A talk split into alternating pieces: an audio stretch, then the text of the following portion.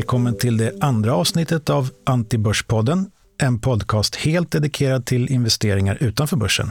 I tre avsnitt så kommer vi gå igenom vad alternativa investeringar är och djupdyka i några särskilt intressanta tillgångsklasser tillsammans med spännande gäster för att ge dig som lyssnar en lite bättre förståelse för hur alternativa investeringar passar in i din portfölj.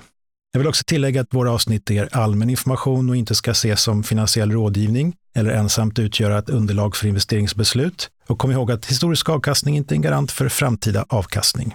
Jag som pratar heter Jesper Roslund och till vardags så ansvarar jag för alternativa investeringar på finska fondförvaltaren Evli. Okej, då sätter vi igång. Idag ska vi prata om investeringar i infrastruktur. Och för den sakens skull har jag bjudit in ingen mindre än Stefan Glevén. En pionjär inom riskkapital och infrastruktur med en imponerande bakgrund. Stefan har lång erfarenhet som senior partner från en av världens största riskkapitalbolag, EQT, där han var ansvarig för EQTs infrastrukturverksamhet i Norden och även i Nordamerika.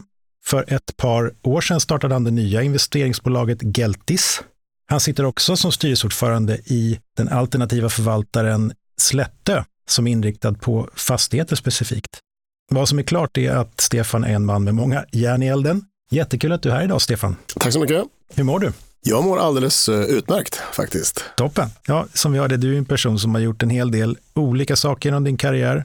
Kan du inte berätta lite mer om din bakgrund för de som inte känner till den och kanske sätta lite mera färg på den här kortfattade introduktionen som jag just eh, gav? Mm, absolut, jättegärna. Nej, jag är eh, född och uppvuxen i Linköping. Jag eh, är egentligen civilingenjör men har alltid varit jätteintresserad av att investera. Jag gjorde det när jag var 14 år, köpte mina första aktier. Började jobba på ABB Financial Services men då hamnade jag sen på ABBs huvudkontor nere i Schweiz och jobbade med ma verksamhet och kände att det här är det jag vill hålla på med. Och därför sökte jag mig mot då andra bolag som faktiskt då bara, bara jobbade med det, vilket då var private equity-industrin. Och hamnade då på EQT 2004 eh, och var där sen i drygt, drygt 15 år. Det måste ju varit lite av en nybyggaranda på den tiden, för det var ju, eh, om jag minns rätt, så 2000 fyra, fem. Det var inte jättevanligt med, med stora gigantiska infrastrukturfonder, i alla fall inte här uppe i, i Norden. Så det måste ju varit en, en jättespännande eh, puck att ta eh, och bygga upp. Absolut, Nej, men det, var, det var ju, eh, tyckte jag, otroligt kul. Jag tycker det är roligt att vara med och och bygga saker också, bygga team och så. Så att, eh, det, vi satte ju fart på infrastrukturfonden 2007 sju ungefär. Då, så att jag jobbade mina första år på buyout-verksamheten och sen när EQT skulle då starta en infrastrukturverksamhet så, så fick jag frågan att vara, vara med på det 2007. Hur var, hur var gensvaret hos, eh, hos investerarna då? Nej, men det, det, var, ju, det var absolut tufft. Alltså, 2000, det här var, vi drog igång 2007 och så reste vi första fonden under hela 2008. Och då, infrastruktur var inte en, alltså en asset som man investerade i speciellt mycket. Man gjorde private equity, man gjorde venture capital, man gjorde fastigheter. Men, men inte så mycket infrastruktur. En del gjorde det. Det fanns ju några som hade börjat investera i det här, till exempel Macquarie Bank som var tidiga att investera i det här. Men, men det var absolut inte så, så vanligt. Så ibland träffade vi de som investerade i private equity, ibland träffade vi de som investerade i fastigheter och det, blev liksom, det fanns inte dedikerade team för just infrastruktur. Så första fundraisingen var faktiskt ganska tuff. Fick väl precis liksom innan Lehman 2008 fick vi ihop fonden och första fonden var 1,2 miljarder eh, euro. Mm. Och det ska vi jämföra med, med dagens fonder som är vadå, 30? Nej, inte 30, men 20, 20. 20 miljarder är väl den ja. senaste infrafonden tänkt att bli. Då. Ja, det är en fantastisk skillnad och vilken, vilken utveckling som det har varit i det här tillgångslaget de sista, sista åren. Eh, där ni faktiskt har varit, eller EQT har varit en, en av de ledande aktörerna, det ska mm. vi säga. Men om vi liksom backar från, från början, Stefan, om, om du bara kan förklara lite kort för våra lyssnare vad, vad egentligen är infrastrukturinvesteringar? Hur kan det typiskt sett se ut när man investerar i infrastruktur? Mm. Ja, men jag tror att i grund och botten så tror jag samhällskritisk infrastruktur, det är väl liksom det som man, man, alla som investerar i det här säger. Och då kan det vara allt inom eh, transportsektorn, hamnar, vägar, broar. Det kan vara inom telekomsektorn, telekomtorn, datacenter, fiber, Det kan vara eh, eh inom även social infrastruktur, eh, äldreboenden och så vidare. Så jag tror att, eh, och sen framförallt såklart energiområdet som är jättestort. Du har hela energiförsörjningsfrågan där du nu har både befintliga kraftanläggningar, du har transmissionsanläggningar, eh, distribution, du har eh, inom renewables, sol, vind etc. Så jag tror att, men allt egentligen det här är ju man säger, samhällskritisk infrastruktur.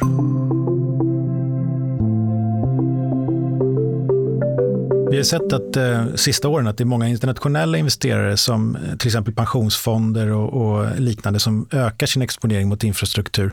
Eh, jag läste en undersökning nyligen från Prequin som är en datainsamlare som visar att det, det är nästan alla investerarkategorier vill öka sin allokering mot infrastruktur. Eh, och det är lite ögonfallande tycker jag. Men var, varför tror du att intresset är så stort för infrastruktur just nu? Nej, men jag tror att man får gå tillbaka lite till det jag sa. Det var då, när vi reste första fonden, då var inte det här en, en, kanske en tillgångsklass eh, som så många investerade i överhuvudtaget. Men sen nu då när vi, ja, nästan 20 år senare, då ser man ju hur, vilken, vilken bra, stabil, egentligen riskjusterad avkastning som många infrastrukturfonder har, har lyckats att, att leverera. Så jag tycker vi att någonstans när vi började resa från 3, någonstans där 14, 15, då hade det börjat att bli redan ett väldigt stort intresse. Där då de stora institutionerna började säga att de skulle allokera en, en ganska, alltså en, två, tre, fem procent av sina totala tillgångar mot infrastruktur. Och det blir ju, det blir ju rätt mycket pengar som ska investeras då. Så att jag tror eh, jag tror helt enkelt att dels är det väldigt, det är väldigt bra tillgångsklass. Det har levererat väldigt bra avkastning, framförallt då riskjusterat. Många av de här tillgångarna man köper har ju inflationsskydd, stabila skyddade kassaflöden och så vidare. Så att jag, jag tror att det är det som attraherar nu en, en hel del av att man vill öka sin exponering mot infrastruktur. Mm.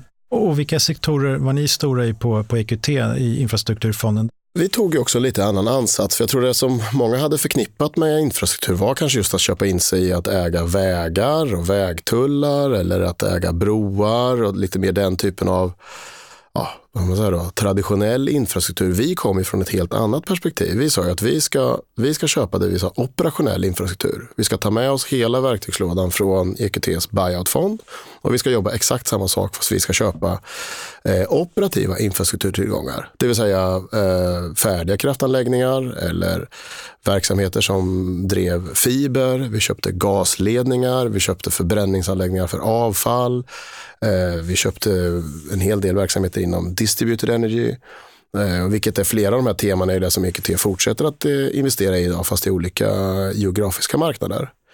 Men, men framför allt var det vad vi ville ha var att det var en verksamhet där då själva verktygslådan från EQT passade bäst. Där vi kunde tillsätta en bra styrelse, bra management, vi kunde växa, vi kunde göra M&A, vi kunde jobba med operativa förbättringar och så vidare. Och så vidare. Mm.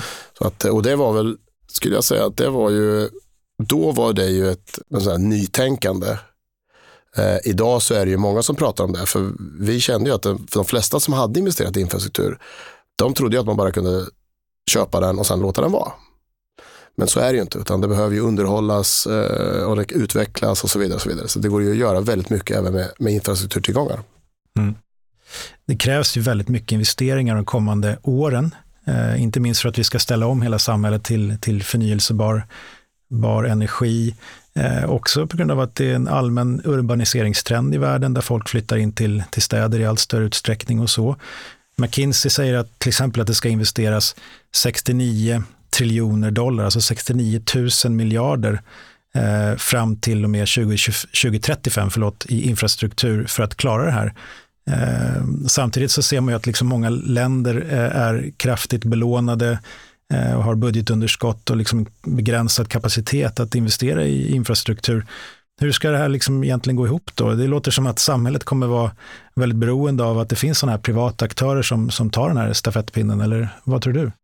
Nej men absolut, och, jag, och, och, och framförallt då så tror jag att när det också sen, när man lägger till då även att den här, de här, all den här infrastrukturen också då som ska byggas, eh, den ska också opereras, driftas, underhållas. Eh, det ska eh, investeras mer pengar under årens lopp. Och jag tror att det är klart att det är svårt för en fond att alltså, stater har ju lättare att planera och bygga vägar och så vidare. Va? Men det går ju absolut att, ha privata initiativ som gör det också. Det sker ju runt om i världen och så får man ta betalt via vägtullar och sådär. Så, så det går ju. Men medan jag tror att i många, också på andra marknader, som är, antingen är de avreglerade, det vill säga att då det privata kapitalet kan investera på de kommersiella villkor som finns. Eh, men det finns ju också väldigt mycket reglerade marknader där, där liksom ramverket är satt för de privata aktörerna. Det vill säga, här, här får man ju en viss avkastning. Det kan ju vara inom elnät till exempel. Eh, så, så, eh, så jag tror absolut att den här, det här kommer inte gå ihop om inte man tillåter de privata aktörerna att vara med och investera. Mm. Och, och, om du är då en eh, global riskkapitalfond och, och, så att säga har gjort din kapitalresning, hur jobbar man liksom med att hitta bra investeringar i infrastruktur? Jag tror som egentligen med vilken investeringsstrategi som helst, den måste ju vara tydlig och eh, man måste veta vilken typ av, eh, av område man vill investera i. Och man måste ha kunskap, man måste ha, eh, och så får man helt enkelt leta upp och knacka dörr efter de tillgångarna man man vill köpa. Sen tror jag också faktiskt, och det, det beror, man får också tänka annorlunda och, och, i det här fallet då kanske frågan är, men vad, vad är infrastruktur? Kan ju, som du frågade förut då. Ja, men okay, är det bara vägar eller broar? Nej, det är det ju inte. Utan, men när man då kan börja se att till exempel fiber är ju intressant. Um, det, det, idag så kan ju alla säga att ja, men det är klart att det är infrastruktur. Det är ju, den, det är ju vår, våran moderna infrastruktur som vi behöver för allting. Men när vi satte upp vår fond 2007 2008 och tänk då fanns inte iPhone, inte iPad, Netflix fanns inte. Jo, det fanns, men de distribuerade CD-skivor. Men så att säga, värdekedjan var ju inte satt. Eh, vilket den idag är mycket tydligare. Det vill säga att det finns eh, ja, infrastrukturägare, det finns eh, content providers och så vidare. Så att idag, idag är det satt på ett helt annat sätt. Kan man säga att det var, var det de här tillgångsklasserna som blev bäst i, under din tid? Finns det några sådana här guldägg som ni, som ni lyckades gräva fram eller, eller skapa under, under tiden du var där? Jag har ju, jag, jag, någon affär som jag var med och, och, och, gjorde som jag tycker var väldigt spännande, det var just när vi gjorde en av de första fiberaffärerna i en infrafond och då köpte vi all fiber eh, som går till oljeplattformarna ute i Nordsjön. Eh, Statoil hade byggt ett nät eh, som sen en annan norsk private equity-fond hade köpt. Men de såg det mer bara som en, som en tjänst, att de sålde en tjänst till oljebolag, eller som, de som drev oljeplattformarna, då, Shell, BP och Statoil på den tiden. Medan vi såg, ja men titta här, här har vi en infrastruktur. Här ligger det ju tusentals kilometer fiber på sjöbotten som går till, absolut går till oljeplattformarna, men det går ju också att göra någonting mer av det här. Eh, det går ju att sälja transittrafik från Norge till England. Det går att bygga ett 4G-nät på oljeplattformarna. Så, så det går att göra mycket mer av den här infrastrukturen och kommersialisera den infrastrukturen som faktiskt ligger där. Och så köpte vi väldigt mycket mer fiber och vi la ny fiber till nya plattformar och så vidare. Men sånt där, så, så den typen av affärer är just kul när man, när man så här, vågar bryta ny mark och, eh, och sen i så blir det en väldigt bra affär. Mm. Vi har också läst lite grann i, i våra, vår affärspress om liksom hur ser eh, förutsättningarna ut framåt för att skapa avkastning i infrastruktur, men i liksom egentligen i hela tillgångslaget alternativa när vi har ett allt högre ränteläge. Det finns ju de eh, debattörer som menar att nu är liksom sötebrödsdagarna över för private equity-bolagen och att det kommer bli svårt att, att, att, skapa avkastning framgent med, den här, med det här ränteläget. Det vore intressant att höra, höra din syn på hur påverkar, tycker du, det högre ränteläget eh, liksom avkastningsförväntningarna på, inom det här tillgångslaget eh, going forward? Ja, nej men jag, jag, tror så här att man måste börja titta på uh, vad, vad, vad är då egentligen om man ska säga private equity. Liksom, det är ju, i, i, i grund och botten så är det ju en, en, eh, en otroligt stark liksom, ägarmodell.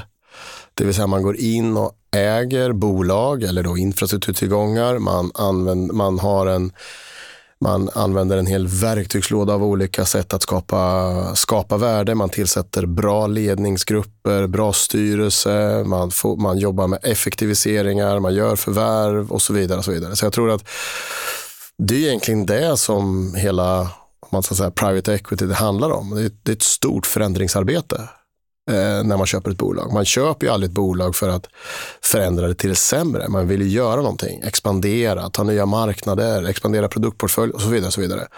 och, och allt det där är ju helt oberoende av vilken ränta det är. Så jag tror att de, det, kommer absolut, det finns absolut private equity-firmor som har levt mycket mer på att de har kunnat låna pengar billigt. Men alltså de, de firmorna som är bäst och skapa avkastning tillbaka till sin investerare, det är ju de som är bäst på att, att, att säga, bygga bolag. Och då spelar ju räntan roll, absolut. Man får låna mindre till högre kostnad. Eh, men det har inte egentligen någon större betydelse, eh, tror jag, för värdeskapandet i slutändan. Utan jag tror att eh, den alternativa sektorn kommer kunna fortsätta och leverera väldigt liksom, attraktiv riskjusterad avkastning som jag också tror kommer vara, ligga som den har gjort i 30-40 år eh, högre än vad man kan få för avkastning på börsen. Du kommer ju från en av världens största eh, riskkapitalbolag som haft liksom stora resurser att analysera och välja och, och, få access till de här infrastrukturfonderna. Men hur ska en mindre eller medelstor aktör som inte liksom har de här resurserna eller, eller möjligheten att investera lika stora tickets, hur ska de göra för att få access till infrastrukturfonder eller infrastrukturinvesteringar, tycker du? Ja, alltså det går ju att det går ju såklart att leta efter lite bolag på, som är listade som håller på i sektorn. Man kan köpa datacenterbolag eller eh, telekommasterbolag specifikt om man tycker att det är intressant. Eller såklart inom energisektorn eller transportsektorn. Så det finns ju, det finns ju listade bolag man kan köpa om man vill bygga en liten intra, infrastrukturportfölj. Eh, men, men, sen, för jag, men jag tror absolut att man ska försöka att få en diversifiering. Att man får lite olika sektorer i lite olika eh, så att säga, skeden i värdekedjan eh, för att få en så bra, bra spridning som möjligt eh, också. Och så gäller det att välja rätt manager som i vilken annan alternativa investeringsverksamhet som helst. Det finns bra managers och det finns managers som har sämre avkastning. Så att eh, man kan också titta på, eh, eh, det finns ju fond i fondlösningar till exempel. Om man vill få, då någon annan har byggt upp en portfölj av, av lite olika managers. Men om du, eh, Stefan, skulle ge råd till någon som är intresserad av att eh, utforska infrastruktur i, i den onoterade miljön, vad, vad skulle det vara? Men jag tror att det finns väl två ganska, tycker jag, uppenbara sektorer som, som eh, kommer att förändras, växa. Och alltid när det är förändring är det intressant att vara med och investera. Men dels är det ju energisektorn såklart, där det händer eh, jättemycket. Jag tror vi kommer se eh, ännu större och framförallt vad det gäller lagring av energi. Det kommer krävas massa investeringar för att det ska kunna hända. Eh, olika energislag ska bytas ut. Eh, och så, så att jag tror att energisektorn kommer vara fortsatt eh, mycket intressant att investera i. Eh, och det andra tror jag är hela säga, teknologi eller techsektorn då, där vi pratar eh, kanske inom telekom, datacenter, eh, för det är en enorm datakraft som kommer krävas. Eh, för det, det är bara att titta vad, vad har hänt de sista tio åren inom användandet av data. Eh, hur vi använder våra mobiltelefoner och så vidare. Så blickar man fram, hur kommer det se ut de kommande tio åren? Det kommer att driva på enormt med investeringar i infrastruktur som krävs. Både vad det gäller, det kan vara allt från det är fiber, det är satelliter, det är telekommaster och så vidare. Och så, vidare. så jag tror att energi och telekom tror jag är två oerhört spännande sektorer. Och sen också såklart när man kan börja titta, vad, vad kan vara infrastruktur? Jag tror till exempel att man kommer börja kunna se mjukvaruplattformar som infrastruktur framöver. Um, som ligger med långa inlåsta kontrakt och kunder. Det kan till och med vara reglerad mjukvara som krävs för att hantera vissa saker. Så att jag tror i de gränslandet där mot eh, teknologisektorn kan det komma en hel del eh, intressanta affärer faktiskt. Mm. Intressant. Okej, okay. Vi börjar närma oss slutet av dagens avsnitt av Antibörspodden. Jag vill tacka dig Stefan för att du kom hit idag och för alla insikter du delade med dig av. Tack så mycket. Och tack så mycket för att ni har lyssnat. I eh, nästa avsnitt så kommer vi fördjupa oss i en annan delsektor inom alternativa investeringar, nämligen private equity. Och orkar ni inte vänta till dess så kan ni gå in på vår hemsida evli.com och läsa mer om alternativa investeringar. Signa också gärna upp er på vårt nyhetsbrev för att hålla er uppdaterade om det senaste. Vi hörs!